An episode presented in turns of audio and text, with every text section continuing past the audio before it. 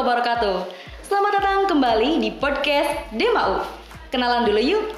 Nama aku Arini Oktaviani, tapi kalian bisa panggil aku Arin. Oke, hari ini aku bakalan mengudara bareng narasumber yang keren abis. Pastinya kita bakalan membahas suatu topik yang seru.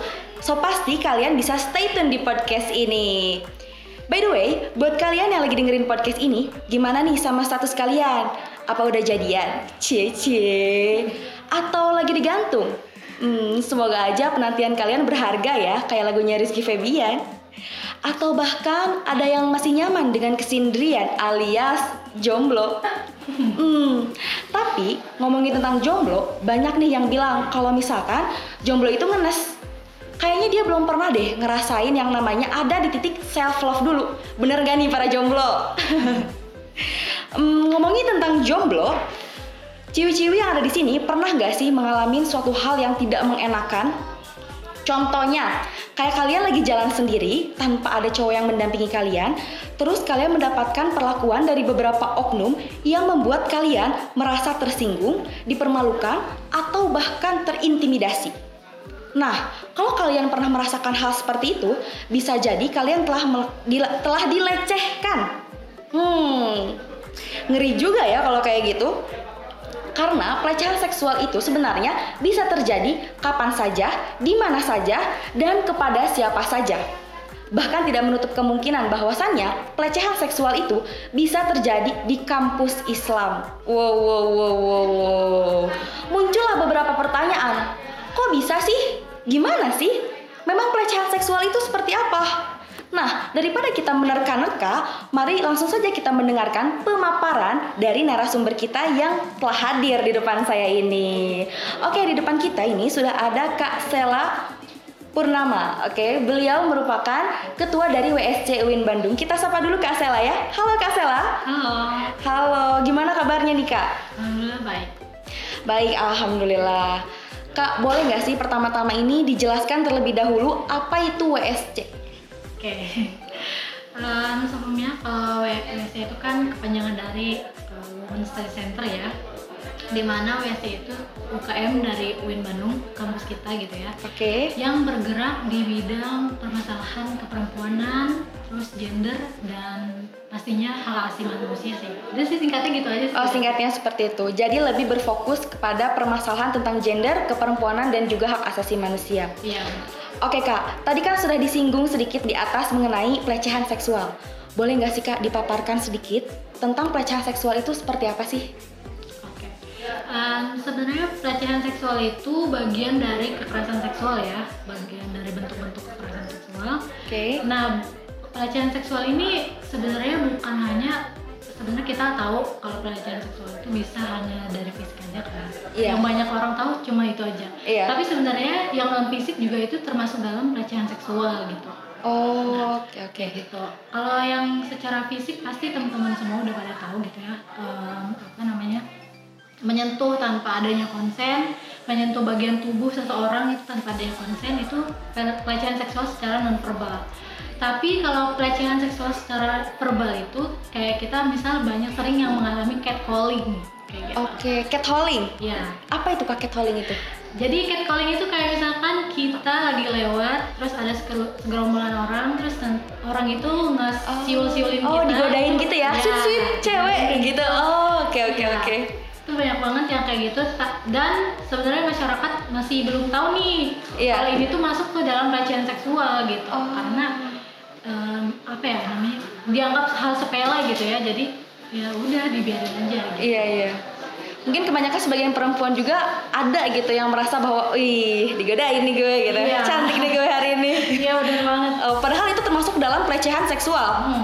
oke oke oke. Sebenarnya yang termasuk kategori pelecehan seksual itu kayak gimana sih kak?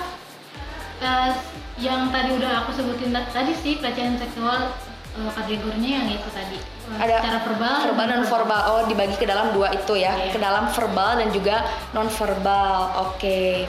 sebenarnya kak apa sih yang menjadi pemicu adanya pelecehan seksual? Apa benarkah karena pakaian? Oh pastinya enggak ya. Pakaian Kalau gini, kalau karena pakaian ya itu nggak bisa dijustifikasi karena pakaian ya, karena kita tahu udah ada datanya di detik bisa cek di Google kalau mau tahu.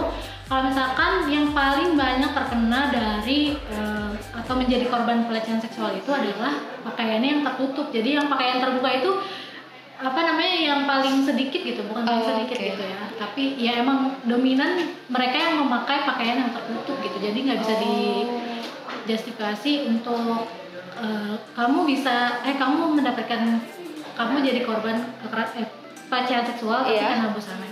Oke, berarti meskipun yang sudah tertutup, mereka mungkin saja terkena pelecehan seksual seperti itu Iya, ya. Oke, dan sebenarnya pelecehan seksual itu bisa terjadi di mana saja ya kak ya? Iya, iya, iya. Oke. Lantas apa sih ya kak yang harus kita lakukan saat kita telah mendapatkan pelecehan seksual? Apa yang harus kita lakukan? Apakah kita hanya bisa terpuruk saja? Ya ampun, aku udah dapat pelecehan seksual dan itu dijadikan sebagai kesalahan dalam diri kita dan akhirnya kita menjadi termenung setiap harinya karena kejadian tersebut. Em, jadi rata-rata dominan ya kalau Iya. misalkan mereka yang menjadi korban pelecehan seksual itu em, yang benar kata teteh tadi bilang ya Iya. misalkan dia merenung aja keep apa namanya yang apa yang udah dialami dia nggak mau cerita ke orang Iya. karena eh, di masyarakat ketika kita mereka berbicara gitu ya itu langsung mendapatkan stigma gitu Iya, Ya, kayak gitu kan stigma kayak apa namanya kalau apa yang dialami itu adalah sebuah aib gitu Iya. kan atau kayak kamu sih apa namanya keluar pakai pakaian terbuka atau keluar Iya. malam gitu kan itu kan stigma stigma dari masyarakat yang membuat para korban nggak berani speak up gitu ya Iya. nah jadi kalau misalkan ketika mengalami pelecehan seksual yang pertama oke eh, terima aja dulu terima yang memang susah gitu ya Iya, pasti. susah untuk nerima itu kayak berdamai aja dulu nih sama Diri diri, sendiri, iya. pasti bakal susah banget tapi kayak em, healing aja gitu healing untuk apa namanya ya melakukan hal yang diinginkan gitu Iya. ketika udah siap udah berani udah percaya Iya. udah merasa aman gitu ya Iya. kalau misalnya dia speak up apa namanya nggak mendapatkan stigma gitu boleh langsung cerita ke orang terdekat dia Oke. gitu baik teman atau sebenarnya kalau bisa ya ke apa namanya ke yang lain yang membuka layanan mengenai pelecehan seksual ini. konsultasi mungkin ya Iya. kak ya oke karena kalau misalkan dipendam sendiri nanti jatuhnya dia jadi stres sendiri juga ya Iya, kayak kepikiran gitu Iya, iya, aduh iya. aku berdosa banget karena mungkin framing orang-orang sekitar dia menyatakan bahwa wah ini cewek nggak bener nih udah dapat pelecehan seksual Iya, iya. kayak gitu ya kak oke oke oke kak hasil dari pengaduan yang diterima oleh WSC apakah diteruskan kepada pihak kampus dan lantas apa tindakan dari pihak kampus tersebut Oke. Eh, jadi gini ya sedikit cerita. Pada tahun 2018 ke 2019 gitu ya. eh, ada mungkin nanti juga tahu ya. apa tuh apa tuh apa tuh Aduh. menarik nih Eh, pelakunya eh, dosen melakukan pelecehan seksual gitu ya Oh. mahasiswanya. Dan dari WSC juga udah sempat kayak membentuk suatu aliansi Ya. namanya aksi eh, komite aksi mahasiswa gitu ya. ya uh, aliansi itu kayak apa namanya ya mengadakan aksi lah ya Iya. di sekitar kampus untuk menye- menyuarakan ka- kasus, Kasus ini tersebut, gitu ya iya. kayak gitu terus tapi um, berjalannya waktu ya karena udah banyak desakan dari mahasiswanya Iya. gitu ya pihak kampus ya membentuk tim investigasi oke tapi em, apa namanya ya tim investigasinya itu nggak secara transparan terus oh ya, dibentuknya tuh secara gitu terus eh, tidak melibatkan dari mahasiswanya gitu. Oh, iya, jadi iya, dari iya. aliansi itu nggak dilibatkan ke dalam tim investigasi tersebut. Dan Oh. sampai sekarang juga belum. Selesai. jadi masih ngegantung sampai Iya, sekarang ya? Kayak hubungan gitu. Berarti dari pihak WSC-nya sendiri tidak dilibatkan ya kak? Iya. Oke oke oke. Apakah akan membuat sebuah pergerakan lagi untuk mengusut kasus-kasus yang sebelumnya? Eh, pastinya kalau dari WSC mbak ya pasti yang terpenting harus ada solidaritas dari teman-temannya oke solidaritas Iya. Oke oke oke. Dan juga harapannya semoga pihak kampus ini bisa bekerja sama ya untuk mengungkap sebenarnya fakta yang sesungguhnya yang terjadi kepada mahasiswa. Oke kak. Eh, lanjut ya kak. Ya. Landasan hukum WSC yang dijadikan pedoman untuk menanggapi pengaduan pelecehan seksual di kampus itu seperti apa sih kak? Kalau landasan hukum sebenarnya ber- berbicara hukum di negara kita juga kan kita belum ada ya landasan Iya. hukumnya ya. Tapi karena dari WSC sendiri kita punya semacam modul atau semacam apa namanya buku panduan gitu ya. Iya. Tapi yang memang sebenarnya belum apa jadi gitu se- seluruhnya gitu ya, masih dirancang gitu ya. Oke. Ibarat Masih undang-undang masih jadi RUU gitu. Iya.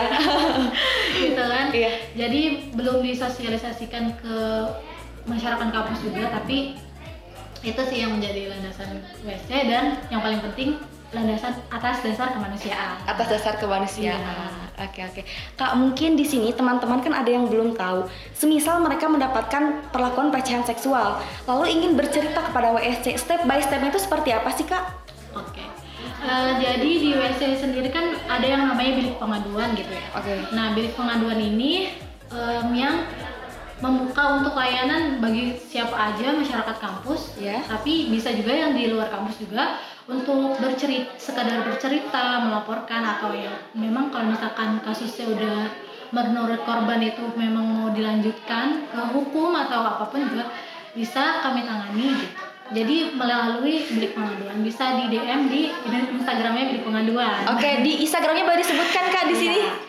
At bilik pengaduan underscore WSC. Oke, buat teman-teman mungkinnya yang merasakan hal seperti itu, merasakan kegelisahan gundah gulana yang tidak meredam sampai sekarang, bisa langsung aja lapor ke bilik pengaduan. Iya. Oke kak, kak sebenarnya yang mendapatkan pelecehan seksual itu lebih sering kepada laki-laki ataukah kepada perempuan? Oke. Kalau yang paling sering mendapatkan pelecehan seksual ya pastinya perempuan ya. Iya. Karena yang pertama adanya relasi kuasa gitu. Hmm. Adanya relasi, relasi kuasa, terus perempuan dianggap em, apa namanya inferior gitu. Nah, Oke. da- dari perempuan dianggap inferior, jadinya ada relasi kuasa di dalam situ gitu kan. Jadi laki-laki merasa dia su- superior, Iya. terus dapat apa namanya ya perempuan bisa dilakuin apa aja sama Mm-mm. mereka gitu kan Seenaknya Iya, gitu ya? kan jadi terus abis itu perempuan juga masih dianggap objek masih dipandang sebagai objek gitu ya bukan Oke. sebagai subjek nah kayak gitu sih Eh, jadi ya kayak gitu sih maksudnya jadi perempuan yang lebih dominan terkena pelecehan Pelecehan seksual. Oke, bagi, bagi para laki-laki jangan seenaknya sama perempuan ya. Ingat, ibu kalian juga perempuan, nak. Oke kak, tapi sejauh ini ada nggak sih pengaduan dari laki-laki, misalkan dia e, mendapatkan kekerasan seksual dan ber- e, berbicara kepada bilik pengaduan, sharing gitu sama bilik pengaduan, kak aku gini gini gini gini, pernah nggak sih kayak gitu kak? Iya pernah ada, tapi kayak nggak secara formal gitu ya Iya. mengadukannya kayak Mm. cuma informal gitu aja karena em, korbannya sendiri juga banyak lah pokoknya nggak banyak juga sih ada lah ya pokoknya Iya. kayak masih ngerasa nggak nggak percaya kan gue laki-laki gitu Iya. ya aku gue dapat perlakuan kayak gini Iya. kok gue ngalamin kayak gini gitu Kak aku dilecehkan aku Iya. laki-laki gitu. Iya oke. E, lantas kak harapan ke depannya mengenai maraknya pelecehan seksual yang sering terjadi di kampus ini dari kakak sendiri tuh seperti apa? Ya oke, ya semoga kalau misalkan adanya pelecehan seksual di kampus gitu ya, setidaknya kampus bisa menindak tegas gitu ya pelaku pelecehan seksual ini dan harus di apa namanya diusut dengan secara tuntas dan pastinya jangan tertutup gitu ya harus Iya. transparan gitu Betul. dan jangan at- mengatasnamakan atas nama baik kampus tapi menutup eh, kasus kekerasan seksual atau pelecehan seksual ini. Iya betul sepakat karena ada korban-korban yang ingin dituntaskan permasalahannya ya kak ya. Ya, bener banget. Betul banget. Oke oke. Kak, eh, tolong dong dikasih tipsnya gitu buat kita lebih meminimalisir terjadinya pelecehan seksual di kampus. Eh, kalau tipsnya yang pertama ya harus dari diri kita sendiri gitu ya. Iya. Harus ada penyadaran dari diri kita sendiri. Kalau misalkan em, apa yang dia lakukan nanti, kalau misalkan dia me- melakukan hal tersebut, pasti itu akan merugikan orang lain, bukan Iya. orang lain juga, tapi merugikan dia sendiri gitu. Jadi harus ada penyadaran dari dirinya sendiri gitu. Oke, siap siap siap. Jadi sebenarnya pelecehan di kampus Islam pun marak terjadi ya kak sebenarnya. Jadi tidak misalkan kampus Islam framingnya kayak gitu, jadinya tidak ada eh, pelecehan seksual tidak menutup kemungkinan seperti itu ya Iya, kak ya. Benar. oke oke oke oke. Dan satu lagi mungkin ya kak pertanyaannya. Eh, mungkin masuk masuk ke dalam tips juga nih. Tadi kan lebih menyeluruh untuk perempuan dan juga laki-laki. Ini untuk tips laki-laki mungkin ya karena sebenarnya saya juga pernah mendengar cerita bahwasannya laki-laki itu mengalami pelecehan seksual. Lantas apa yang harus ditutupi? Lantas apa yang harus diperbuat oleh seorang laki-laki agar tidak mendapatkan pelecehan seksual? Mungkin dia juga bingung ya. Aku harus kayak gimana ya biar nggak dapat pelecehan seksual? Apakah salah muka aku ataukah salah postur tubuhku atau seperti apa? Kalau untuk laki-laki pandangan dari Kak Sela sendiri seperti apa? Oke, em, kalau laki-laki ya, jadi kan sebenarnya sama aja sih mau laki-laki mau perempuan juga ya harus apa namanya ada penyadaran juga. Terus kalau misalkan dia kayak untuk menjadi korban gitu ya, Iya? jadi dia em, apa ya namanya sama aja sih kayak perempuan gitu. sama kayak perempuan gitu ya pokoknya harus ada penyadaran dari diri kita sendiri gitu ya oke oke oke Em, teman-teman semuanya yang lagi dengerin podcast ini kalian inget ya jangan pernah ragu jangan pernah sungkan atau bahkan jangan malu apabila kalian telah mendapatkan pelecehan seksual jangan biarkan hal tersebut menjadi bayangan kesalahan kalian setiap saat betul kak Betul banget. Betul banget. You may have a thousand problem and you still have a million change to be a better person. Guys, kamu mungkin saja punya ribuan masalah, tapi kamu juga harus ingat, kamu juga punya jutaan kesempatan untuk menjadi manusia yang lebih baik lagi. Oke, mungkin segitu dulu ya kayak podcast Ya. kita pada hari ini. Terima kasih sudah mendengarkan. Saya Arini Oktaviani pamit undur diri. See you in the next podcast. Akhirul kalam. Wassalamualaikum warahmatullahi wabarakatuh. Bye bye.